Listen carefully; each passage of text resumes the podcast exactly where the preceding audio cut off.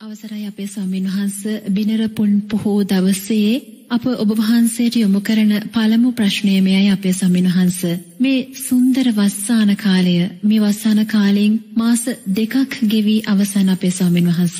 මේ ගෙවෙන්නේ වස් අවසන් මාසය එළවෙන්නේ චීවර මාසය මේ අවසන් මාසය ඊ타මත්ම අර්ථවත් ආකාරයකට බෞද්ධයෙකුට ගත කරන්නේ කෙසේද කියා අපිට පහදලා දෙන්න අපේ ස්වාමීන් වහන්සේ. පින්වත් නොන මහත්මිය විදර්ශනාරාත්‍රිය ධර්ම වැඩසටාන තුළින් මාවෙත ප්‍රශ්නයක් හැටියට යොමු කළේ මේ සුන්දර වස්සානයයි උදාවෙලා තියෙන්නේ. ඒ වස්සානයෙන් දැම් මාස දෙකක්ම ගෙවිලා අහවරයි මේ අවසාන මාසය තමයි අදින් පස්සේ උදාවෙන්නේ ඉන් පස්සේ චීවර මාසයයි. ඒ නිසා මේ වස්මාසය බුදුරජාණන් වහන්සේගේ ශ්‍රාවක ශ්‍රාවිකාවන් හැටියට උපාසක උපාසිකාවන් හැටියට කොයි ආකාරයෙන්ද මේ වස්සානය අර්ථවත් ආකාරයෙන් මේ අවසාන මාසය අපි ගත කරන්න කියන කාරණයයි ඔබතුමිය ප්‍රශ්නයක් හැටියට මේ මොහොත්තේ යොමු කළේ. පිංහතුනී මේ උදාවුණ වස්සානය මගේ භික්ෂු ජීවිතේ දාසයවෙනි වසයි. වස් පහළවක් ගෙවිල අවසන් මේ උදාවනේ දාසයවැනි වසයි. නමුත් මේ දාසයවෙනි වස්සානය මගේ ජීවිතය උදාවෙච්ච මේ මොහොතේ මම දෑස් පියාගෙන අතීත පංචුපාදානස්කන්දෙට මගේ හිතියොමු කරනවා. පිංහතුනේ අතීත පංචුපාදානස්කන්දයට හිතියොමු කරද්දී මං මොකක්ද දකින්නේ. සංසාරයේ සාරා සංක කල්ප ලක්ෂසියක් කෝටි ප්‍රකෝටි ගානක් ඈතක ඉඳන්. පටිච්ච සමුපන්න ආවා වූ ගමනෙදී පිංහතුනී සම්මා සම්බුද්ධ ශාසනවල ඉපදිලා තෙරුවන් මුල්කරගෙන පැවිදි උපසම්පදාවන් ලබලා පිංහතුනේ මම පටිච්ච සමුපන්නව වස් කෝටිගාන ගෙවල දාලා තියෙනවා. හොඳින් තේරුම් ගන්න. මේ දාසයවෙනි වස කියලාපි සැමරුවත් ජීවිතයට එකතු කරගත්තා පිංහතුනී පටිච්ච සමුපන්නව වස් ලක්ෂගානක් මම ගෙවාදාලතියෙන. ඒනම් ගෞරුවනිය මහා සංගරත්නය හැටියට මුලින්ම මේ සුන්දර වස්සානය අවස්සාන මාසෙ උදාවෙච්ච මේ මොහොතේ අපිට පුළුවන්නන් අපි දෑස් පියාගෙන අතීත පංච උපාදානස්කන්දයට හිතියොමු කරලා සංසාරයක් පුරාවට අතීතේ සම්මා සම්බුද්ධ ශාසනය මුල්කරගෙන උතුම් තෙරුවන් මුල්කරගෙන පැවිදි උපසම්පදාවන් ලබලා අපි ගෙවා දැමූ වස් ප්‍රමාණය වස් ලක්ෂ ගානකට කෝටි ගානකට වැඩී කියලා අපිට නුවනින් දකින්න එයම සුන්දර කමටහනක් අපිට වෙනවා. මොකද ඒසා වස් සංඛ්‍යාවක් අපි ගෙවා දමල තිබ්බත් සම්මා සම්බුද්ධ ශාසනයෙන් සම්මා සම්බුද්ධ ශාසනයට. මොකද සමහරක් සම්මා සම්බුද්ධ ශාසන අවුරුදු හැටදාහක් දීර්ගයි සමහරක් සම්මා සම්බුද්ධ ශාසන අවුරුදු හතරිස්දාහක් දීර්ගයි කාශ්‍යප බුදුරජාණන් වහන්සේගේ ශාසනය අවුරුදු විසිදාහක් දීර්ගයි අනාගත මෛත්‍රයේ බුදුරජාණන් වහන්සේගේ ශාසනය අවුරුදු අසූදාහක් දීර්ගයි පිංහතුනේවන් දීර්ග ශාසන කාලබලදී අපි උතුම් උපසම්පදාවන් ආරක්ෂා කරලා උපසම්පදා සීලයන් රැකලා ලක්ෂ ගානක් වස් ගෙවා දැමුවත් පිංහතුනේ ඔබටත් මටත් තාමත් පුළුවන්කමක් ලැබිලනෑ ඒ සුන්දර වස් ජීවිත තුළින් අපේ ජීවිතවලට ලැබිය හැකි ශේෂ්ඨම අර්ථය ජීවිතයට එකතු කරගන්න. ඒ ශේෂ්ඨ මාර්ථය ජීවිතයට එකතු කරගත්ත නම් පිංහතුනේ කවදාක්වත් ඔබටත් මටත් මේ වස පිංහතුනේ මනුස්සේ කැටියට මේ ජීවිතේ ගත කරන්න සිද්ධ වෙන්නේ නෑ. එක්කො අපි සෝවාන් පලයට පත්වෙච්ච දෙවි කෙනෙක් එක සකුරුදාගාමී අනාගාමී පලයන්ට පත්වෙච්ච දෙවි කෙනෙක් බ්‍රහ්මේ එසේත් නැත්තම් අපි ලෝකයෙන් පිරිනිවී ගිල්ලා. ඒනම් පිංහතුනී ඒසා අතීත වස්සංඛ්‍යාවක් අපි ගෙවා දමල තියෙනවා. ඒ සෑම වස්සානයකින් අපි ප්‍රයෝජනයක් අරගෙන නෑ ධර්මානුකූලව අර්ථවත්ව. එනිසායි අදත් අපිට මේ වස්සානය මේ ආකාරයෙන් ජීවිතයට එකතු කර ගන්න සිද්ධ වෙලාතියෙන්. ඒ වගේම ගිහිපිංවතුල්ලා කල්පනා කරන්න ඔබත් මේ ජීවිතේ සුන්දර වස්සානයක් ගෙවා දමනින් ඉන්න අවසාන මාසිතයි ළඟා වෙලා තියෙන්නේ.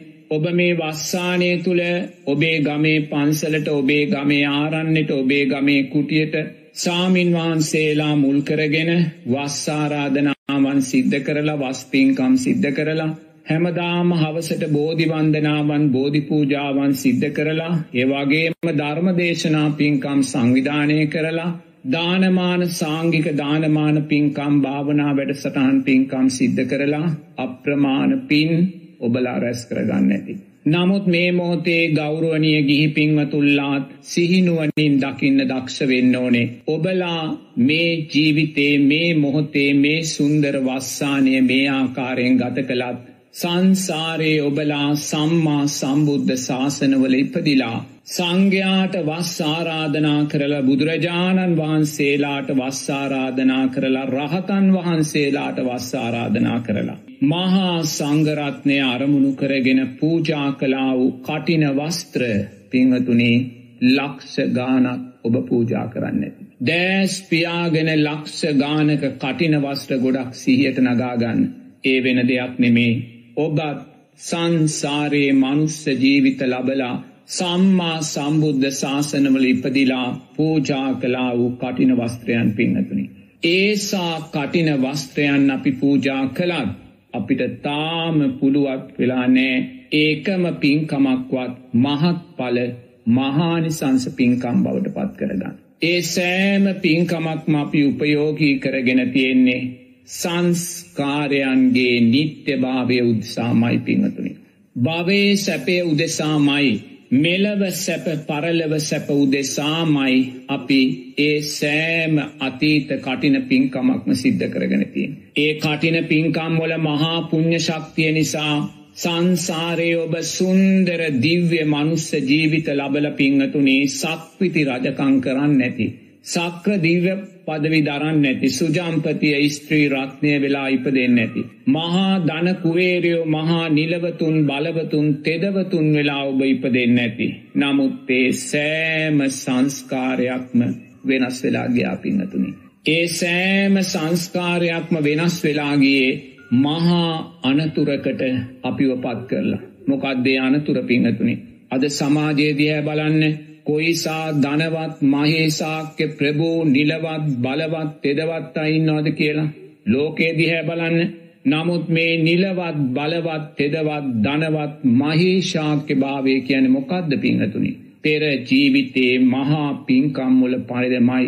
කටින පින්කම්වල පලයමයි මහා සාංගික දාන පින්කම්වල පලයමයි එනං පෙර සම්මා සම්බුද්ධ ශාසනවල ඉපදිලා පෙර ජීවිතවල ඉපදිලා මෙවන් විචිත්‍ර සුන්දර පින්කම් කරලා මේ ජීවිතේ මහා ධනවතුන් කුලවතුන් බලවතුන් නිලවතුන් වෙලා ඉපදුනත් පිංහතුනේ අපි නිකමටවත් හිතන්නේ අනේ මං මේ මෙවන් බලවතෙක් මෙවන් නිලවතෙක් මෙවන් ධනවතෙක්කුණේ පෙර ජීවිතේ කටින පින්කම් කරපු නිසාමයි. පෙර ජීවිතේ සාංගික දානයන් පූජා කරපු නිසාමයි. පෙර ජීවිතේ තෙරුවන් මුල් කරගෙන සිව්පසේ නැපූ පස්ථාන කරපු නිසාමයි. පෙර ජීවිතේ සිල්වතුන්ට දන් පැන් පූජා කරපු නිසාමයි. පෙර ජීවිතේ මෛත්‍රී වැඩුව නිසාමයි සිල් ආරක්ෂා කරපු නිසාමයි අපි එම හිතන්නෑ පින්නතුනි. අපි ධනය මමය කියලගන්නවා නිලය මමය කියලගන්නවා බලය මමය කියලගන්නවා කුලේ මමය කියලගන්නවා. ඒ මමත්වේ දැඩිභාවෙන් මේ දේවල් අරගෙන අපි අපිට කෘතවේදී වුණා වූ පින අපි අමතක කරනවා. අපිට කෘතවේදී වුණා වූ අතීත කටින පින්කම් අපි අමතක කරනවා. අපිට කෘතවේදී වුණා වූ අපේ දානමය පින්කම් අපි අමතක කරනු. අමතක කරලා ලෝබ දවේශ මෝහයන් වඩනවා. සිල්පද බිඳිනවා. මහා ධනය නිසා මහා බලය නිසා මහා තෙදවත්භාවයන් නිසා ලෝබ දේශ මෝහ වඩල පින්වතුනේ සිල් පදමිඳලා කල්ප ගණන් ආයිමස් සතරාපායට වැටෙන. අන්න අපේ බව ගමන. සම්මා සම්බුද්ධ ශාසන මමුවෙනවා සුන්දර බෞද්ධ ජීවිත ලබනවා පිංහතුනේ පින්කම් කරනවා කටින පින්කම් කරනවා සාංගික දාන දෙනවා ලස්සන විසිතුරු මනුස්ස දිව්‍ය ජීවිත ලබනවා ඒ මනුස්ස දිව්‍ය ජීවිත උපයෝගී කරගෙන සිල්පද බිඳලා අකුසල් වඩලා ආය ආයිමත් අපි කල්ප ගණන් සතරාපායන්ට වැටෙනවා. ඔන්න පිංහතුනී අපේ බව චිත්‍රය. ඔය භවචිත්‍රය හොඳට දිගෑරල බලන්න හොඳට දිගෑරල බැලුවොත් ඔබට පෙනෙයි සෑම පිනක් විපාක දෙද්දී. ඒ ඇන වර්ණය සැපය බලය අපේ ජීවිතයට ලබද්දී. පිංහතුනී ඒ වර්ණය සැපය බලය අපි කවදාක්වත් සම්මාධීත්‍යය තුළ විසරෝල දකලනෑ. ඒ වර්ණය සැපේ බලය මමය මගේ කියලා අරගෙන අප්‍රමාණ සිල්පද බිඳල ලෝබදේශමෝහ වඩලා ආය ආයිමත් සතරාපායට වැටෙනවා. ඒ කියන්නේ සුගතියක් කෙටි සුගතියක් දීර්ග දුගතියක් අතර දෝලනය වෙමින් ආවා වූ ගමනක් අපි ඇවිල්ල තියෙන. ඔබේ ජීවිතයට ඔබ හිත යොමු කරල බලන්න. මේ මනුස්ස ජීවිතය ඔබ ලැබූ මේ මනුස්ස ජීවිතය ඔබ හිතන්න අවුරුදු අසුවක් ඔබ ගත කලා කියලා. ඔබ මේ අවුරුදු අසුවේ මනුස්ස ජීවිතය ලබන්න පෙර ජීවිතය ඔබ කොච්චර පින්කං කරන්න ඇද්ද. පෙර ජීවිතයේ කොච්චර ඔබ කටින පින්කං කරන්න ඇද්ද. නමුත් ඔබ මේ සුන්දර ජීවිතය ලබලා ඒ අතීත පින අමතක කරලා පිංහතුනී ලෝබ දේශමෝහ වඩලා ඔබ ඊළඟ ජීවිතේ සතරාපායට වැටුනොත්.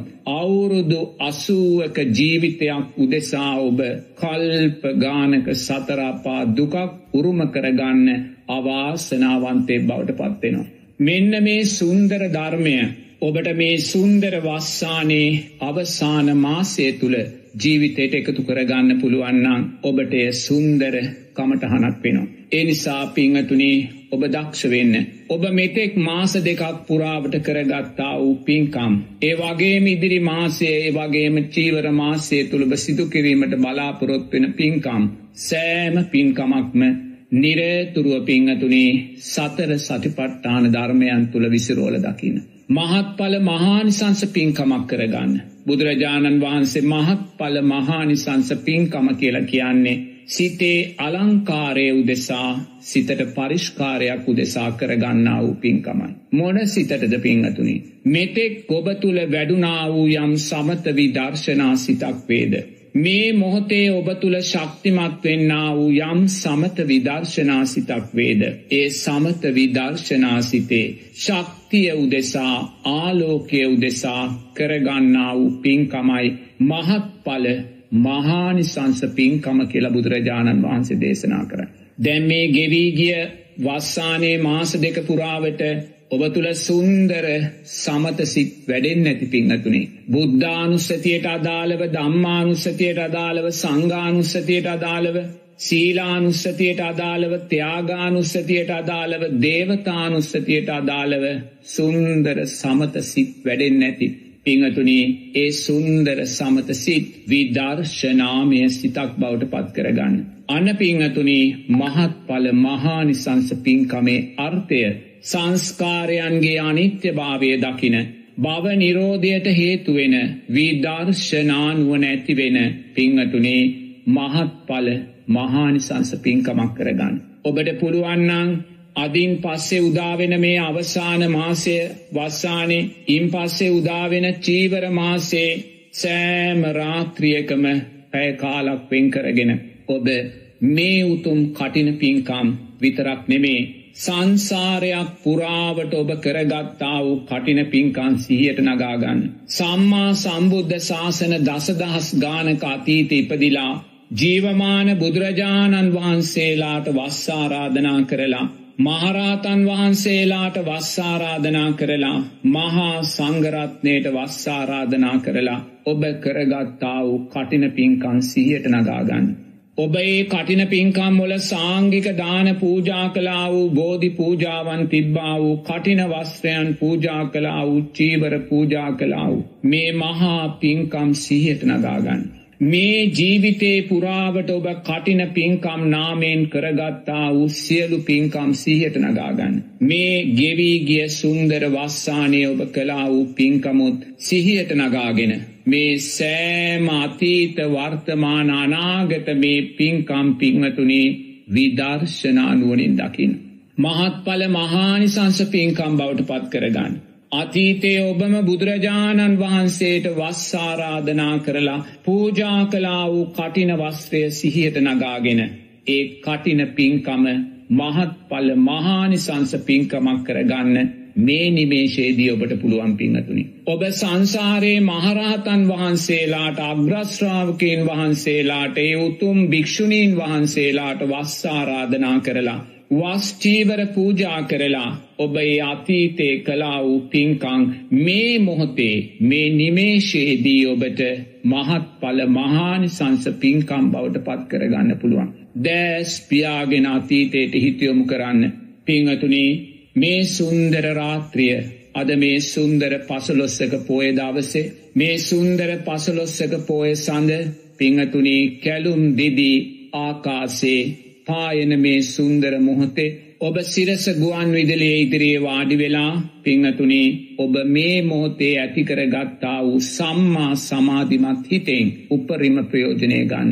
ඔබ මොහොතක් පිංහතුනි මේ කලා වූ අතීත සියලූම පින්කම් සහ වර්තමාන පින්කම් අනාගතය කරන්න බලාපොරොත්තුවෙන ඉතිරි පින්කම් පිංහතුනි සතර සටිපට්ඨාන ධර්මයන් තුළ විසුරෝල දකින්න. දෑස් පියාගෙන නුවනින් දකින්න. ඔබ මේ සෑම කටින පින්කමක්ම සිද්ධ කළේ බුදුරජාණන් වහන්සේ මුල් කරගෙනයි. බුදුරජාණන් වහන්සේගේ උත්තරීතර ශාස්තෘූ භාවය මුල් කරගෙනයි පිංහතුනේ දෑස් පියාගෙන නුවනින් දකින්න.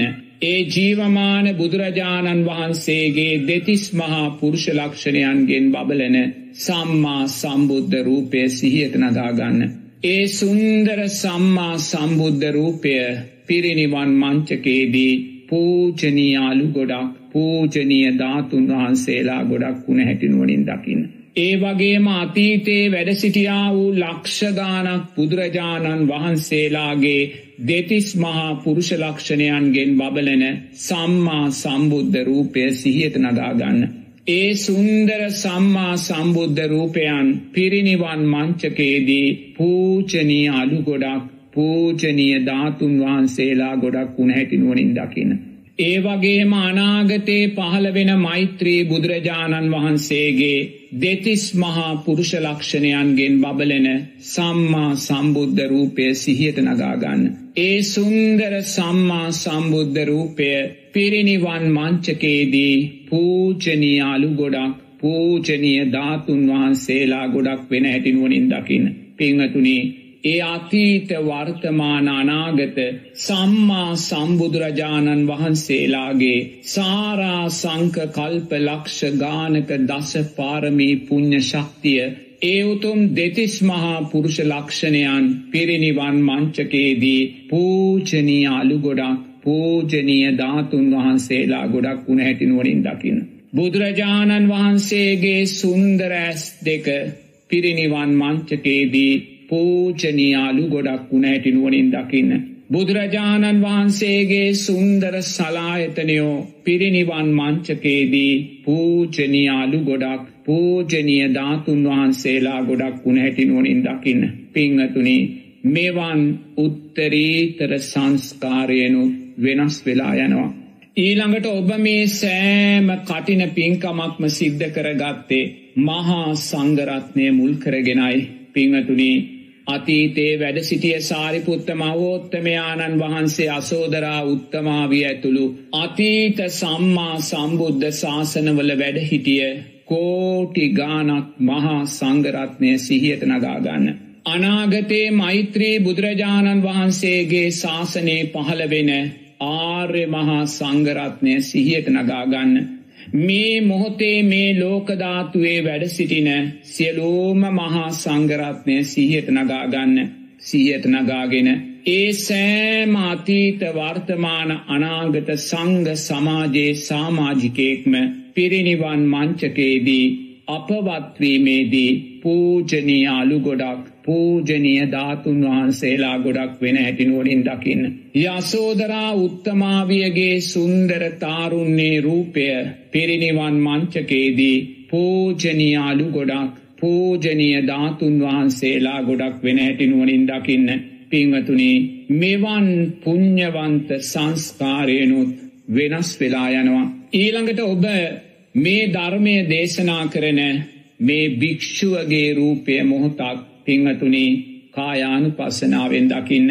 ඔබේ ගමේ පන්සලේ ජීවත් වෙන ගමේ ආරන්නේ වැඩ සිටින ගෞරුවනිය නායක සාමීන් වහන්සේගේ සංඝයාගේ ඔබ වස් ආරාධනා කරපු ගෞරුවනිය සාමීන් වහන්සේලාගේ රූපයන් සිහියට නගාගන්න භික්‍ෂුවගේ ඇසකණනාසය දිව ශරීරය දවසින් දවස ජරාව්‍යාදි මරණයන්ට ලක්වෙලා අනාගතේ අම් දවසක පවුලේ සුසානභූමියයේ පසට මුහුවෙන හැටිනුවනින් දකින්න.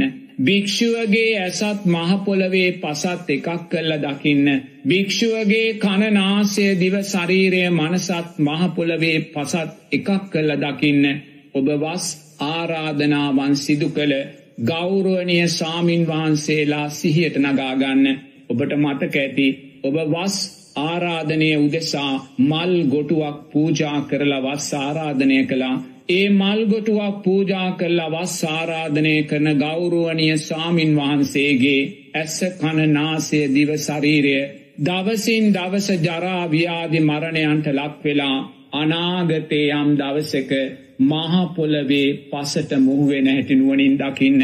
එම ගෞරුවනය සාමීන් වහන්සේගේ ඇසත් මහපොළවේ පසත් එකක් කල්ල දකින්න. ඒ ගෞරුවනය සාමීන් වහන්සේගේ කණනාසය දිව ශරීරයක් මහපොළවේ පසත් එකක් කල්ල දකින්න ඒ ඔබ දකින්නේ ධර්මයයි. ඒ ඔබ දකින්නේ විදර්ශනාවයි ඒ ඔබ දකින්නේ සංස්කාරයන්ගේ අනිත්‍ය භාවයයි පිංහතුනී ඊළඟට මේ සෑම පින්කමක්ම සිද්ධ කළේ ඔබේ රූපය මුල් කරගෙන ඔබ බලන්න මේ ගෙවීගේ වස්සානි මාස දෙක පුරාවට සෑම පින්කමක්ම කළේ ඔබේ රූපය මුල් කරගෙන අතීත සම්මා සම්බුද්ධ ශාසනවල ඒ සුන්දර සෑම වස් පින්කමක්ම කළේ පටිච්ච සමුපන්නව ඔබේ රූපය මුල් කරගෙන දෑස්පියාගෙන ජීවමාන බුදුරජාණන් වහන්සේට ඔබ කටින චීවරය පූජා කරපු හැටි ඒ රූපය නුවනින් දකින්න ඔබේ අධ්‍යාත්මික රූපය. බුදුරජාණන් වහන්සේට වස්සාරාධනා කලා වූයේ ඔබේ අධ්‍යාත්මික රූපය නුවනින් දකින්න. අතීතයේ මහරහතන් වහන්සේලාට වස්සාරාධනා කලා වූ කටින චීවර පූජා කලා වූ ඔබේ පටිච්ච සමුපන්න රූපයෙන් නුවනින් මතු කරගන්න. මේ මොහොතේ මේ සුන්දර පින්කම කරන ඔබේ රූපය නුවනින් මතු කරගන්න මතු කරගෙන ඔබේ රූපය කායානු පස්සනාව තුළ විසරුවන්න පිංහතුනේ. බුදුරජාණන් වහන්සේ දේශනා කරනවා පිංහතුනී මේ සුන්දර ධර්මයක් විදර්ශනාමය ධර්මයක් ශ්‍රවනය කරන මොහොතේ ඔබේ සිත සමාධිමත්වයි තියෙන්නේ. පිංහතුනී ඇස සමාධිමත් වෙලා කණනාසය දිව ශරීරය මේ ඉන්ද්‍රීයන් දමනය වෙලයි මේ මොහොත තියෙන්නේ. ඒ සමාධිමත් හිත ඔබ අපතේ අරින්න එපා. ඒ සමාධිමත් හිතට දෙන්න තියෙන ශේෂ්ඨායෝධනය විදර්ශනාවයි කියල බුදුරජාණන් වහන්සේ දේශනා කරනවා. ඒ නිසා මේ මොහොතේ මේ සුන්දර සමත ධර්මයන් තුළින් ඔබ ඇති කරගත්තා වූ සුන්දර සමාධිමත් හිත උපයෝගී කරගෙන පිංහතුනි ඔබ විදර්ශනා සිත ශක්තිමත් කරගන්න. ඔබේ අධ්‍යාත්මික රූපේට අදාළුව විදර්ශනාත්මක සිතත් ශක්තිමත් කරගන්න. ඔබේ රූපය ඔබ දෙතිස් කුණුපයක් සතර මහා ධාතුවක් ආයතනහයක් මරනානුස්සතියක් අට්ටික සංඥාවක් හැටියට දකින්න කියලා බුදුරජාණන් වහන්සේ දේශනා කරනවා. පිංහතුනී මේ සුන්දර රාත්‍රියයේ විදර්ශනා රාත්‍රිය ශ්‍රවණය කරන මේ මොහොතේ සිරස ගුවන් විදිලිය ඉදිරියේ වාඩි වෙලා ඔබ දෑස් පියාගෙන ඔබේ රූපය අට්ටික සංඥාවෙන් දකින්න. පිංහතුනී ඔබේ රූපේ මස ගලවල ඉවත් කරන්න. ඔබ දැන් ඇටසැකිල්ල ඔබේ මතු කරගන්න දැන් ඔබට හොඳින් ඔබේ ඇටසැකිල්ල අරමුණු වෙන්න ඕන පිංහතුනි. ඔබට ඔබේ ඇටසැකිල්ල හොඳින් අරමුණු වෙනවාද පිංහතුනි දැන් ඔබ මිනිස් සංඥාවෙන් බැහැර වෙලා ඔබ ඉන්නේ අට්ටික සංඥාව තුළ. හොඳින් ඔබේ රූපයට හිතයොමු කරන්න බාහිර සිතුවිලිවලට එන්න දෙන්න එපා බාහිර සිතුවිලි ආවොත් චිත්තානු පස්සනාවෙන් ඒ හිතානිත්‍යයි කියලා දකින්න. ඔබ අට්ටික සංඥාවට හිතයොමු කරන්න දැන් ඔබට හොඳින් ඇටසැකිල් අරමුණු වෙනවාද. ඔබ ඔය වාඩි වෙලා ඉන්න ඉරියව්ව තුළින්ම ඔබේ ඇටසැකිල් ඔබ මතු කරගන්න. දැන් මිනිස් සංඥාව බැහැර වුණා අට්ටික සංඥාවයි සුදු පැහැ ඇටසැකිල්ල දැන් ඔබට අරමුණු වෙන්න ඕනේ. අට්ටි අට්ටි වශයෙන් ඒ ඇටසැකිල්ල වඩන්න එක පුහුණු වෙන්න එක දරාගන්න. ඔබට හොඳින් ඔබේ ඇටසැකිල්ල දැන් අරමුණු වෙනවා නං ඊළඟට ඔබ ඔබ ඉදිරියේ මේ ධර්මය දේශනා කරන භික්‍ෂුවගේ රූපය අට්ටික සංඥාවෙන් දකින්න මේ මස ගලවල ඉවත් කරලා සිවුරු පිරිකර අයින් කරලා ඇට සැකිල්ලක් දැම් මෙතන ඔබ ඉදිරියේ වැඩඉන්නේ. අට්ටික සංඥාවක් වැඩඉන්නේ භික්‍ෂු සංඥා ඔබ ගන්න එපා භික්‍ෂුවගේ සුදු පැහැට සැකිල්ල හොඳින් නුවනින් දකින්න දැන් ඔබට ඇට සැකිලි දෙකක් කරමුණු වෙන්න ඕනේ ඔබේ ඇට සැකිල්ලයි භික්‍ෂුවගේ ඇට සැකිල්ලයි. සුදුපහ ඇට සැකිලි දෙක ඔබට හොඳින් අරමුණු වෙනවානං පිංහතුනි දැන් ඔබ ඔබේ නිවස්සේ ඉන්න සෑම කෙනෙක්ම ඔබේ අම්මා ඔබේ තාත්තා ඔබේ බිරිඳ ඔබේ සාම්පුරුෂයා ඔබේ දුවපුතා මුණුබුරා මිනිබිරි මේ සෑම කෙනෙක්ම අට්ටික සංඥාවෙන් දකින්න සුදු පහැට සැකිලි පොඩි ඇට සැකිලි ලොකු ඇට සැකිලි මධ්‍ය මැට සැකිලි පිංහතුනි ඔබේ ඇට සැකිල්ලට හොඳින් හිත පීටන්නේකට ගණ මිනිස් සංඥා වෙන්න දෙන්න එපා. භික්ෂුවගේ ඇට සැකිල්ලට හොඳින් හිත පීටන්නේකට භික්ෂු සංඥා වෙන්න දෙන්න එපා. දැන් ඔබේ නිවසේ සෑම කෙනෙක්ම ඔබට ආට්ටික සංඥාවක් මිනිස් සංඥාවක් නෙමේ දැම් පුතා දුව අම්ම තාත්ත කියන සංඥානෙවේ ඇට සැකිල්ලක් කියන සංඥාවමයි ඔබට හොඳින් ඔබේ නිවසේ සියලු දෙනා අට්ටික සංඥාවෙන් අරමුණු වෙනවා නං පිංහතුනි ඊට පස්සේ ඔබේ ගමම අට්ටික සංඥාවෙන් දකින්න දාස් ගානක් ඇට සැකිලි දැන් ඔබට අරමුණු වෙන්න ඕනේ. ඔබේ ගමේ කොහෙ බැලුවත් ගෙදරක බැලුවත් මහපාරෙ බැලුවත් ඔබ දකින්නේ ඇට සැකිල්ලක් සුදු පහැට සැකිලි. ඉඳගත්ත නිදාගත්ත ඇවිදින ඇට සැකිලි ලොකු ඇට සැකිලි පොඩි ඇට සැකිලි මධ්‍ය මැට සැකිලි දැන් ඔබට මුළු ගමම අට්ටික සංඥාවක්. බාහිර සිතුවිලිවලට හිත යන්න දෙන්න එපා. බාහිර සිතුවිරුවලට හිත ගියොත් ඔබ ඒ සිත චිත්තානු පස්සනාවෙන් අනිත්‍යයි කියල දැකලා ආයිමත් අට්ටික සංඥාවට එන්න. දැන් ඔබට ඔබේ හිත කිව්වොත් අනේ මට හොඳින් අට්ටික සංඥාව වැඩෙනවා කියලා ඔබට සැපවේදනාවක් ඇතිවෙන්න පුළුවන්. ඒ සැපවේදනාවට බැඳෙන්න එපා. ඒ සැපවේදනාව මේ මොහොතේම අනිත්‍යයි කියලා වේදනානු පස්සනාවෙන් දැකලා ආයිමත් අට්ටික සංඥාවට එන්න. ඔබට දුක්වේදනාවක් ඇතිවෙන්නත් පුළුවන්. අනේ මටතාම අට්ටික සංඥාව අරමුණු වෙන්නෑ කියලා. පිංහතුනේ ඒ දුක්වේදනාවට බැඳෙන්න එපා. ඒ දුක්වේදනාව මේ මොහොතේම අනිත්‍යයි කියලා වේදනානු පස්සනාවෙන් දැකලා ආයිමත්ව බාට්ටික සංඥාවට එන්න. දැන් ඔබට මුළු ගමම අට්ටික සංඥාවක්. ඊළඟට ඔබ මේ මුළු රටමාට්ටික සංඥාවෙන් දකින්න. පිහතුනී ඔබට දැන් උතුර බැලුවත් නැගෙනහිර බැලුවත් උතුරු මැද බැලුවත් වයම්ඹ බැලුවත් බස්නාහිර බැලුවත් දකුණ බැලුවත් සබරගමු බැලුවත් ඌව බැලුවත් මධ්‍යම පලාත බැලුවත් මේ කොහේ බැලුවක් පිංහතුනේ ඔබට අරමුණු වෙන්න ඇයට සැකිල්ලා දැන් ඔබට ඇට සැකිලි කෝටි දෙහකට වැඩිය අරමුණු වෙන්න ඕනේ. ලංකාවේ කොහේ බැලුවත් ඔබට දැන් අරමුණු වෙන්නේ ඇට සැකිල්ලක් පොඩි ඇට සැකිලි ලොකු ඇට සැකිලි මධ්‍ය මැට සැකිලි සුදු පැහැ ඇට සැකිලි ඇවිදින ඇට සැකිලි නිදාගත්ත ඇට සැකිලි ඉඳගත් ඇට සැකිලි. ලංකාවේ කොහේ බැලුවත් ඔබට දැන් ඇට සැකිල්ලක් නුවනින් පීර පීරමුළු ලංකාව වටේ බලන්න. ඔබට කොතනකවත් මිනිස් සංඥාවක් අරමුණු වෙන්න බෑ. ලංකාවෙ කොහේ බැලුවත් අට්ටික සංඥාවක් ඔබේ ඇට සැකිල්ලට හොඳින් හිත පිහිටන්න. ඒකට ගන මිනිස් සංඥාවට එන්න දෙන්න එපා. අට්ටික සංඥාව තුළමතියාගන්න භික්ෂුවගේ ඇට සැකිල්ලකට හොඳින් හිත පීටන්නේකට භික්ෂූ සංඥාවන්න දෙන්න එපා. අට්ටික සංඥාව තුළමතියන්න දැන් ඔබට මුළු රටම අට්ටික සංඥාවක් බාහිර හිතුවිදිවලට එන්න දෙන්න එපා යම් ශබ්දයක් ඇහුණත් අනිත්‍යයි කියලා චිත්තානු පස්සනාවෙන් දැකලා පිංහතුනී කමටහනට එන්න අට්ටික සංඥාවට එන්න. ඔබට අනේ මට දැන් හොඳින් අට්ටික සංඥාව අරමුණු වෙනවා කියලා සැපවේදනාවක් ආවොත්. අනේ මට අට්ටික සංඥාව අරමුණුවෙන් නෑ කියලා දුක්වේදනාවක් ආවොත්. ඒ සැප දුක් විඳීම් වේදනානු පස්සනාවෙන් අනිත්‍යයි කියල දැකලා ආයිමත් අට්ටික සංඥාවට එන්න. පිහතුනේ දැන් ඔබට මුළු රටමාට්ටික සංඥාවක් ඔබේ රූපය අට්ටික සංඥාවක් භික්ෂුවගේ රූපය අට්ටික සංඥාවක් කෝටි දෙහෙකට වැඩිය ඇට සැකිලි දැන් ඔබට අරමුණු වෙන්න ඕනේ. ඔබට මුළු ලංකාව මොහොදින් අට්ටික සංඥාවෙන් අරමුණු වෙනවනං දැන් ඔබ මුළු ලෝකෙතම හිතියොමු කරන්න ආසියාවට මැද පෙරදිගට යුරෝපයට අප්‍රිකාවට බටහිරට මුළු ලෝකෙටම ඔබේ අවධානයොමු කරන්න. මුළු ලෝකේ කෝටි ප්‍රකෝටි ගානක් ජනතාව අට්ටික සංඥාවෙන් දකින්න. පිංහතුනී ලෝකෙ කොහේ බැලුවත් ඔබට අට්ටික සංඥාවක්. ඇවිදින අට සැකිලි නිදාගත්ත ඇට සැකිලි ඉඳගත් ඇට සැකිලි පොඩි ඇට සැකිලි ලොකු ඇට සැකිලි මධ්‍ය මැට සැකිලි. මුළු ලෝකෙම ඔබට දැන් අට්ටික සංඥාවක් පිංහතුනී ඔබේ ඇට සැකිල්ලට හොඳින් හිත පීටන්නේකට මිනිස් සංඥාවෙන්න දෙන්න එපා. භික්ෂුවගේ ඇට සැකිල්ලට හොඳින් හිත පීටන්නේකට භික්ෂූ සංඥාවෙන්න දෙන්න එපා. අට්ටික සංඥාව තුළ තියාගන්න. දැන් ඔබට මුළු ලෝකෙම අට්ටික සංඥාවක්.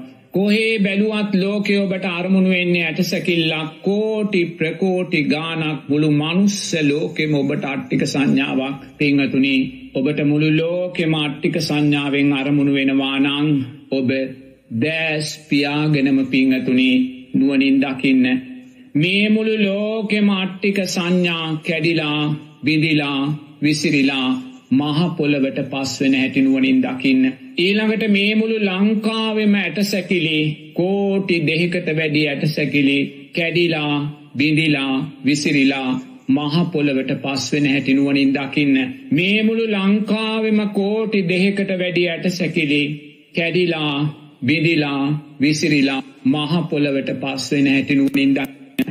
ඊළඟට භික්ෂුවගේ ඇට සැකිල්ලට හිතියොමු කරන්න භික්‍ෂුවගේ ඇට සැකිල්ලත් කැඩිලා බිඳිලා විසිරිලා මහපොළවට පස්වෙන හැටි නුවනින් දකින්න.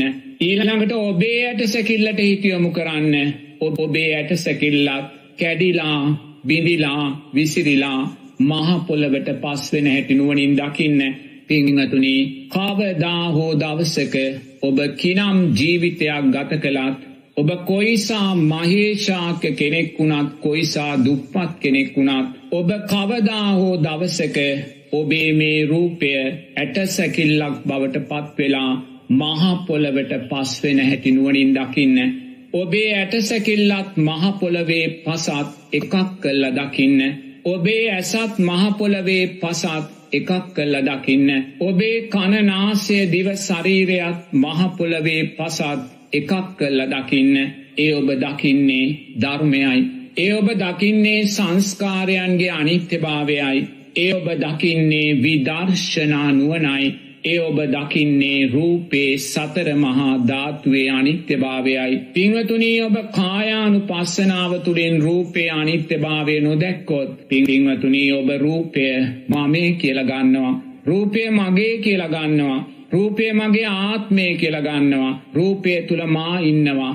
මා තුළ රූපය තියෙනවා කියලගන්නවා එහෙම අරගෙන පින්වතුනි රූපය පිනවන්න සිල්පද බිඳිනවා. රූපය පිනවන්න අකුසල් මූලයන් වඩනවා. ඒ විතරක් නෙමේ අනාගත රූපස්කන්දය සතුටින් ප්‍රාර්ථනා කරනවා. මට අනාගතයේ මෙවැනි සුන්දර මනුස්ස රූප ලැබේවා දිව්‍ය රූප ලැබේවා බ්‍රහ්ම රූප ලැබේවා කියලා අනාගත රූපස්කන්දය ඔබ සතුටින් ප්‍රාර්ථනා කරනවා. වර්තමාන රූපස්කන්දේ අනිත්‍යභාවය දකින්නේ අතීත රූපස්කන්දේ අනිත්‍යභාවය දකින්නේ දෙතිස් මහා පුරුෂ ලක්ෂණයන්ගෙන් උපන් බුදුරජාණන් වහන්සේගේ රූපයත් පිරිනිවන් මංචකේදී පූජනී අලු ගොඩක් වුණා කියල දකින්නේ. ඒ සුන්දර දෙතිස් මහා පුරුෂ ලක්ෂණයනුත් පිරිනිවන් මංචකේදී පූජනීය ධාතුන් වහන්සේලා ගොඩක් වුණා කියල දකින්නේ පිංහතුනි බුදුරජාණන් වහන්සේ සතර සතිපට්ඨාන ධර්මයන් ඔබට දෙන්නේ කාරණා දෙකක් මුල් කරගෙන හොඳට තේරුම් ගන්න. බුදුරජාණන් වහන්සේ ඔබට මේ උතුම් සතර සටිපට්ඨානයන් දෙන්නේ ගිහි පිංගුතුල්ලාට මොකද බුදුරජාණන් වහන්සේ සතර සටිපට්ඨාන සූත්‍රය දේශනා කරන ගිහි පිංහතුල්ලාටයි. පැවිදි අපිට නෙමේ ගිහි පිංහතුල්ලාට බුදුරජාණන් වහන්සේ සතර සටිපට්ඨාන සූත්‍රය දේශනා කළේ පිංහතුනී ඔබලාට ගිහි ජීවිත අත්හැරලා පැවිදි වෙන්න යන්න නෙමේ. ඔබලාට සියල්ල අනිත්‍යයි අනිත්‍යයි කියලා අන්තවාදීව දෘෂ්ටිගතව අනිත්‍ය ජීවිතයට එකතු කරගෙන ගිහි ජීවිතය අසාර්ථක කරගන්න නෙමේ. අපිට පේනවා සමාජයේ දිහා බැලුවාම ගොඩාක් අය මේ සතර සතිපට්ඨාන ධර්මයෝ අන්තවාදීව ජීවිතයට එකතු කරගෙන ගිහි ජීවිතේ මහා අර්බුද ඇති කරගෙන ඉන්නවා. රෝගී භාවයන්ට පත්වෙලා ඉන්නවා. සමහරු මානසික රෝගී භාවයන්ට පත්වෙලා ඉන්නවා. නමුත් බුදුරජාණන් වහන්සේ ඔබලාට මේ උතුම් සතර සතර සරිපට්ඨානය දේශනා කරන්නේ පැවිදි වෙන්න යන්න නෙමේ. සියල්ල අනිත්‍යයි අනිත්‍යයි කියලා අන්තවාදී අනිත්‍යයට ගිහිල්ලා ගිහි ජීවිත අසාර්ථක කරගන්න නෙමේ. එහෙමනම් පින්වතුනි බුදුරජාණන් වහන්සේ ඔබට උතුම් සතර සරිපට්ඨාන ධර්මයන් දේශනා කරන්නේ කාරණා දෙකක් මුල් කරගෙන. මේ සුන්දර වස්සානේ ඔබ මේ කාරණා දෙක හොඳින් සිහියට නගා ගන්න. මේ සුන්දර වස්සානයේ ඔබ මේ කාරණා දෙක ඔබේ ජීවිතයට එකතු කරගත්තොත් මං හිතනවා ඔබ මේ බව ගමනේ ලබන්නා වූ අර්ථවත්ම වස්සානය බවට මේ වස්සානය පත් කරගත්ත වෙනවා. එනිසා බුදුරජාණන් වහන්සේ මේ උතුම් සතර සටිපට්ඨානයෝ ගිහි පින්වතුල්ලාට දේශනා කරන්නේ කාරණා දෙකක් මුල් කරගෙන පළවෙනි කාරණය තමයි බුදුරජාණන් වහන්සේ දේශනා කරනවා පින්වතුනි මේ ලෝකේ පුඤ්ඤ කර්ම අතරින් ශ්‍රේෂ්ඨම පුඤ්ඤ කර්මය මෛත්‍රියයි කියලා. පිහතුනී මෛත්‍රිය තරම් ශේෂ්ඨ පිනක් මේ ලෝකෙ නැහැ. මෛත්‍රියට ආනිසංස එකොළහක් තියෙනවා. සීලේට දානයට වඩා මෛත්‍රී ආනිසංස වැඩි පිංහතුනි බුදුරජාණන් වහන්සේ නැවත දේශනා කරනවා. පිංහතුනි මෛත්‍රීයටත් වඩා ශේෂ්ඨ පුං්ඥ කර්මයක් තියෙනවා. මෛත්‍රියයටත් වඩා ශේෂ්ඨ පුං්ඥ කර්මය මොකක්ද පිංහතුනි ඔබ මොහොතක් මේ රූපය අනිත්‍යයි කියලා දකීද? මේ වේදනා සංඥා සංකාර විඤ්ඥානයෝ අනිත්‍යයි කියලා ඔබ ඇසුරු සැනක් දකීද ඒ ඇසුරු සැන ඔබ මේ ලෝකේ ශේෂ්ඨම විදර්ශනාමය කුසලය ජීවිතයට එකතු කරගත්ත කෙනෙක් කියලා බුදුරජාණන් වහන්සේ දේශනා කරනවා. ඒමනම් පිංහතුනි ඔබ මේ සුන්දර මොහොතේ මේ විදර්ශනා රාත්‍රිය ශ්‍රවණය කරන මේ සුන්දර මොහොතේ සිරස ගුවන් විදිලිය ඉදිරියේ වාඩි වෙලා ඔබ ඔබේ රූපය අනිත්‍ය වශයෙන් සතර සටිපට්ඨාන ධර්මයන් තුළ දැක්ක මේ මොහොතේ පින්වතුනි ඔබ මේ සුන්දර වස්සානේ ලබාගත්තා වූ ශේෂ්ඨම පින ඔබේ ජීවිතයට එකතු කරගත්ත වෙනවා. මොකද ඇසුරු සැනක් ඔබ අනිත්‍ය සංඥාව වැඩුවොත් පිහතුනි සාංගික දානකට වඩා එතන ශේෂ්ඨ පිනක් සිල් සමාදං වුණාට වඩා එතන ශ්‍රේෂ්ඨ පිනක්. මෛත්‍රිය වැඩුවාට වඩා එතන ශ්‍රේෂ්ඨ පිනක්. එමනම් බුදුරජාණන් වහන්සේ ඔබලාට සතර සටිපට්ඨාන ධර්මය දෙන්නේ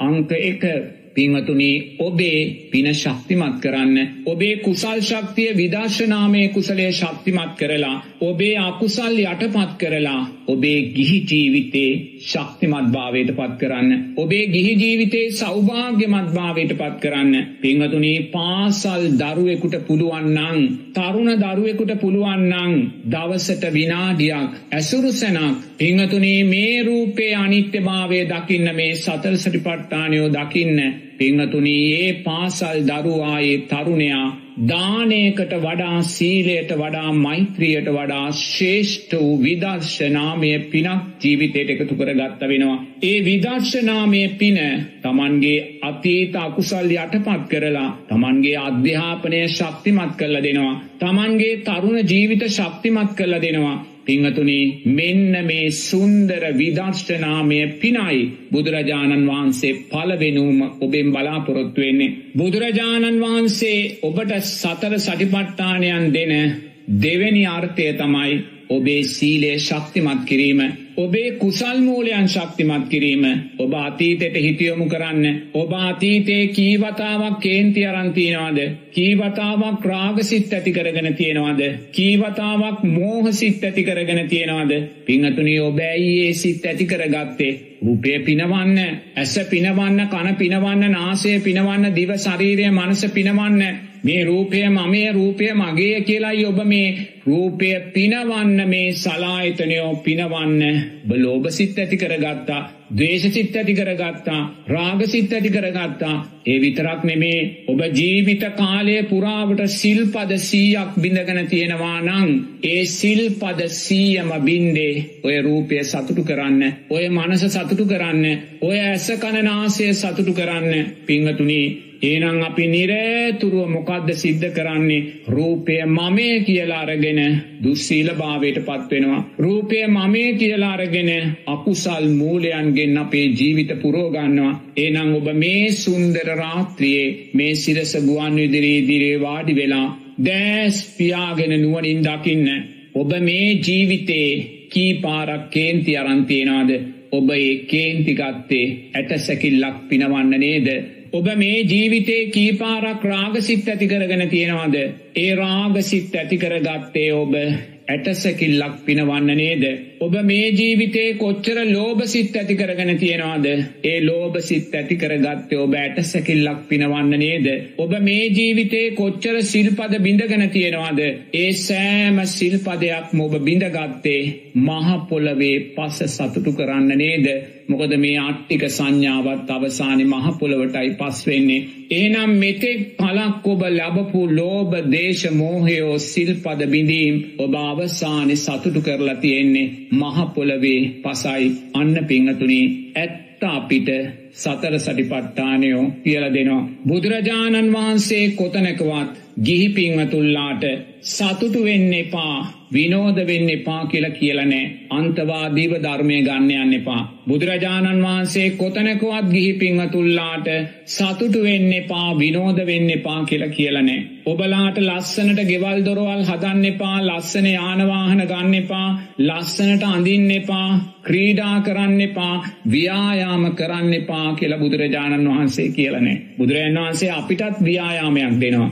මොකද සංග සමාධය අපේ ව්‍යායාමය අපේ ව්‍යායාමේ තමයි සක්මන අපේ ව්‍යායාමය උදෙසා බුදුරජාණන් වහන්සේ සක්මට පනවනවා. ඒ ව්‍යායාමය තුළින් සමාධිමත් හිතක් ඇති කරගෙන අපිට නිවන කරා යන්න. ව්‍යායාමය කියන කාරණයත් එකකාරමුණක් එමනම් පිංහතුනි එහෙව් ලෝතුරා බුදුරජාණන් වහන්සේ ඔබට සෙල්ලම් කරන්න එපා ව්‍යායාම කරන්න එපා කියල කොතනකවත් කියලා නැහැ. ලස්සනට අඳින්න එපා කියල කොතනකවත් කියලා නැහැ. ආභරණ පළඳන්න එපා කියල කොතනකවත් කියලා නැහැ. විසාකා උපාසිකාව සෝවාන් පලට පත්වෙලාත් මහාමේල පළඳනාව පැළඳැනගෙනයි ගමන් බිමන්ගේ පිංහතුනි බුදුරජාණන් වහන්සේ අවිවේචනය කළේ නැහැ. මොකද මේ සියල්ල පින වර්ණය සැපය බලය කියන්නේ පින ලස්සන කියන්නේ පින සැපේ කියන්නේ පින පිංහතුනී බුදුරජාණන් වහන්සේ තරං පින වර්ණනා කලා වූ ශාස්තුන් වහන්සේ කෙනෙක් මේ ලෝකධාතුවේ නැහැ. පින වර්ණනා කලා වූ ලෝතුරා බුදුරජාණන් වහන්සේ ඔබ සතුටු වෙනවාට ඔබ විනෝද වෙනවාට අකමැති වුණේ නෑ වැරදි විදියට ධර්මය විග්‍රහ කරගන්න යන්න එපා. නමුත් බුදුරජාණන් වහන්සේ ඔබට අනතුරු හැඟවීමක් කරනවා. මෙන්න මේ අනතුරු හැඟවීමයි ඔබට වැදගත් වෙන්නේ. මොකක්ද බුදුරජාණන් වහන්සේ ගිහි පිංහතුල්ලාට කරන අනතුරු හැඟවීම පිංහතුනී කාමේ ආස්වාදය කෙටි. මොකද කාමේ ආස්වාදය කියන්නේ මේ ඇස කණනාසය දිව ශරීරය මනස පිනවීම කාමේ ආස්වාදයයි. මහනෙන මේ කාමේ ආස්වාදය කෙටි. මේ කෙටි කාමේ ආස්වාදය නිසා සත්වයා දීර්ගාදීනවයන් ලබනවා. අන්න අනතුරු හැඟවීම. මහනිනි මේ රූපේ ආස්වාදය කෙටි. මොකද මේ රූපේ ආස්වාදය කියන්නේ? මේ තාරුන්නේ රූපය මේ සුන්දර ලාලිත්තයෙන් රිද්මයෙන් බබලන මේ තාරුන්නේ රූපයයි රූපය ආස්වාදය. මහනිනි මේ රූපය ආස්වාදය කෙටි මේ කෙටි රූපය ආස්වාදය නිසා සත්වයා දීර්ගාදීනවයන් ලබනවා. අන්න අනතුරු හැඟවීම පිංහතුනේ ඔබ දෑස් පියාගෙන දකින්න ඔබ මේ ඇස පිනවන්න සිල්පදයක් බිඳගත්තොත් පිංහතුනී කල්ප ගණන් සතරාපායට වැටෙන්න්න පුළුවන්. පිංහතුනී ඔබ බලන්න ඔබ සිල්පද බිඳගන්න මේ ඇසකන නාසේ දිව ශරීරය පිනවන්න. පුංචි ආස්වාදයක්. රාග සිතකින් ඔබ කොච්චර පුංචි ආස්වාදයක්ද ලබන්නේ? ලෝබ සිතකින් දේශ සිතකින් ඔබ කොච්චර පුංචි ආස්වාදයක්ද ලබන්නේ? මත් වතුර ටිකක් බීල ඔබ කොච්චර නම් පුංචි ආස්වාදයක්ද ලබන්නේ? කාමේ වරදවා හැසිරිලා කොච්චර නම් පුංචි ආස්වාදයක් ඔබ ලබන්නේ? ඒ පුංචි ආස්වාදය මරණාසන්න මොහොතේ සිහියට නැගුණොත් කල්ප ගණන් දීර්ග ආදීනවයක් බවට පත්වෙනවා. මේ රූපේ ආස්වාදය කොච්චර කෙටිද? පිංහතුනේ රූපේ ආස්වාදය අවුරුදු දහටේ ඉඳං අවුරුදු විසිපහ වෙනකන්තියෙයි ඉන් පස රූපේ ආදීනවය රූපය ජරා ව්‍යාධි මරණයන්ට ලක් වෙනවා. නමුත් ඔබ මේ අවුරුදු දහයක් නැත්තං උපරිම පහළවක් තියෙන මේ රූපේ ආස්වාදයට බැඳිලා ඔබ ලෝබ දේශමෝහ වැඩුවොත් අහංකාරකම් කළොත් මාන්‍යයට පත්වනොත් ඔබ මේ රූපේ ආස්වාදයෙන් සිල්පද බිඳගත්තොත් ඔබේ ජීවිත විනාස කරගත්තොත් සුන්දර කුමරි බඹසර කුමරි බඹසර අහිමි කරගත්තොත් මෙයා විකෘතියක් කරගත්තොත් මේවා නිසා සකස් වෙන දීර්ඝාදීනවයෝ කල්ප ගණන් අපිට තිරිසන් ලෝකට දාන්න පුළුවන්. කල්ප ගණන් නිරයන්ට අපි වැදල දාන්න පුළුවන් අන්න බුදුරජාණන් වහන්සේගේ අනතුර හැඟවීම. එනිසා බුදුරජාණන් වහන්සේ ඔබට ඔබේ පෙර පින නිසා ඔබ ලැබුව මේ සුන්දර කාම සම්පත්. පිනතුනි ඔබ කොයිසා කාම සම්පත් ලබල තියෙනවාද?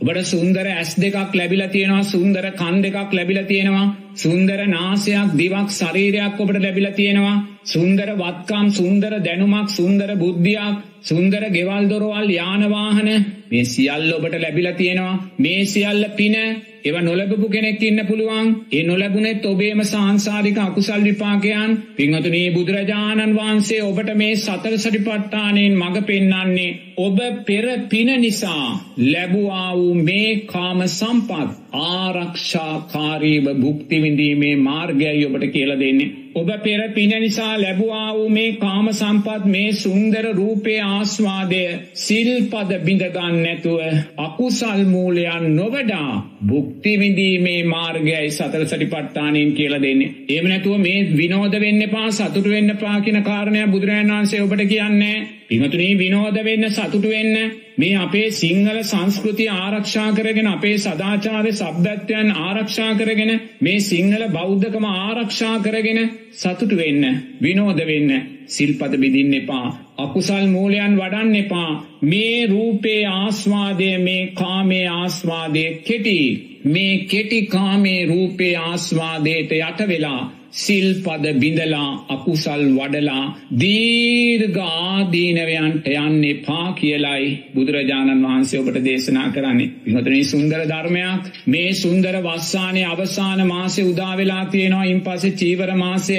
ඔබට මේ සුන්දර ධර්මය ජීවිතයට එකතු කරගන්න පුළුවන්නම් මොකද මේ සුන්දර ධර්මය අර්ථය අද පටන් සෑම දවසකම ඔබ ඇසුරු සැනක් මෛත්‍රී සංඥාව වැඩුවනං ඔබ සෑම දවසකම සාංගික දානයක් තුන්නට වඩා පිනක් ජීවිතයට ලබනවා. ඔබ සෑම දවසකම අටසිල් සමාදං වුණාට වඩා පිනක් ඔබ ලබනවා. ඔබ සෑම දවසකම මෛත්‍රී සංඥා දාහක් වැඩුවට වඩා සුන්දර පිනක් විදර්ශනාමය පිනක් ලබනවා බුදුරජාණන් වහන්සේකෙන් ඇසුරු සැනක් අනිත්‍ය සංඥාව වැඩීම මේ ලෝක ධාතුවේ ශේෂ්ඨම පුණ්‍ය කර්මයයි කියලා. එහෙමනම් පින්වතුනි මේ සුන්දර ධර්මයේ ජීවිතයට එකතු කරගන්න අතීත සම්මා සම්බුද්ධ ශාසන ලක්ෂ ගානක් සිහියට නගාගෙන ඒ සම්මා සම්බුද්ධ ශාසනවල ඔබ කරපු පින්කම් සිහිපත් කරගෙන ඔබ ලැබුවා වූ පටිච්ච සමුප්පන්න අතීත රූපයන් සිහිපත් කරගෙන පිංහතුනී ඒ සෑම සංස්කාරයකම අනිත්‍යභාවය දකිමින් පිංහතුනී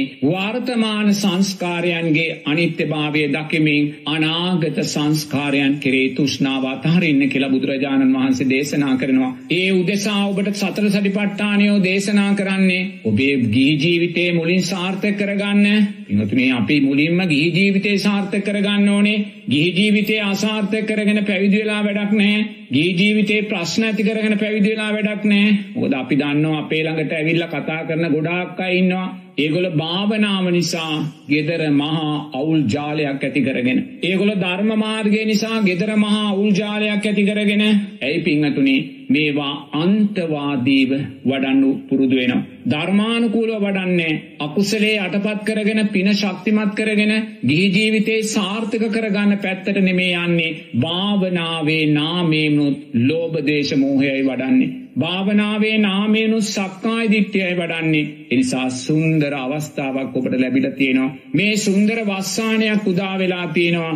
මේ උදා වූ වස්සානය පින්වතුනි ඔබේ අතීත පටිච්ච සමුප්පන්න ජීවිතවලදී සමග බලද්දී මේ ඔබේ වස්සානය ලක්ෂ ගානක් වස්සානයන්ගින් එකක් හොඳට තේරුම් ගන්න. මේ ඔබේ ජීවිතේ පළවෙනි කටින පින්කම නෙමේ මේ ඔබේ ජීවිතේ දහවෙනි විසිවෙනි කටින පින්කම් නෙමේ මේ ඔබේ ජීවිතේ පටිච්ච සමුප්පන්න ජීවිතේ ලක්ෂ ගානක් කටින පින්කම් වලින් තවත් හුදු කටින පින්කමක්මයි. නමුත් මේ පින්කම තවත් හුදු කටින පින්කමක් බවට පත් කරගන්න එපා. සංස්කාරයන්ගේ අනිත්‍යභාවය දකින විදර්ශනානුවන වැඩෙන භවනිරෝධයට හේතුවෙන මේ සියල්ලටම පෙරාතුව ඔබේ ගිහි ජීවිතය සීලයෙන් කුසල් මූලයන්ගෙන් ශක්තිමත් කරන එතනයි අත්තිවාරම් පිංහතුනි අද ගිහි ජීවිතේ පිංහතුල්ලා සෝවාන් පලය ගැන කොච්චර කතා කලාත් සීලේ බරපතර දුර්වල භාවයන් තියෙනවා. සිල් රැක්කත් සීලේ දෘෂ්ටිගතවයි රකින්නේ. සීලයෙන් එක්කම්මෙන් තොරවයි රකින්නේ. ඒ නිසාම බරපතල විදර්ශනාමයට ගැටලු ගොඩක් මතු වෙනවා එනිසා ඔබ දක්ෂ වෙන්න මුලින්ම ගිහි ජීවිතය තුළ සීලේ ශක්තිය ඇති කරගෙන කුසල් මූලයන්ගේ ශක්තිය ඇති කරගෙන පිංහතුනි ඒ තුළින් ඔබේ ගිහි ජීවිතය සාර්ථක කරගෙන ඔබට අවශ්‍යනං ඔබට පුළුවන් විදර්ශනානුවන කරා ගිහිල්ලා අවශ්‍යනං උතුම් පැවිදි උපසම්පදාවන්ට පත්වෙලා ගිහිහෝ පැවිදිභාවයන් තුළෙම මේ උතුම් සෝවාන් පලය සාක්ෂාත් කරගන්න කියන කාරණය පිංහතුනී මේ සුන්දර වස්සානය මේ අවසාන පෝය දවසේ විදර්ශනා රාත්‍රිය තුළින් ඔබට මෙස් සිතිං සිහිපත් කොට දෙනවා. සාධූ සාධූ සාධූ. ඒ වගේම මේ සුන්දර විදර්ශනා රාත්‍රිය ශ්‍රවනය කරපු සියලූම ගෞරුවනීය පින්වතුල්ලාට මේ විදර්ශනාමය ධර්මය තුළින් රැස්සුනා වූ පින් නිදුක් නීරෝගී සුවපත්භාවය දීර්ගායිෂ උතුම් චතුරාර් සද්ධර්මයෝ දැකීමට මේ පින් උත්තම ශක්තියක් වෙන්න කියලා මෙ සිතිං ආශිරිවාද කරනවා.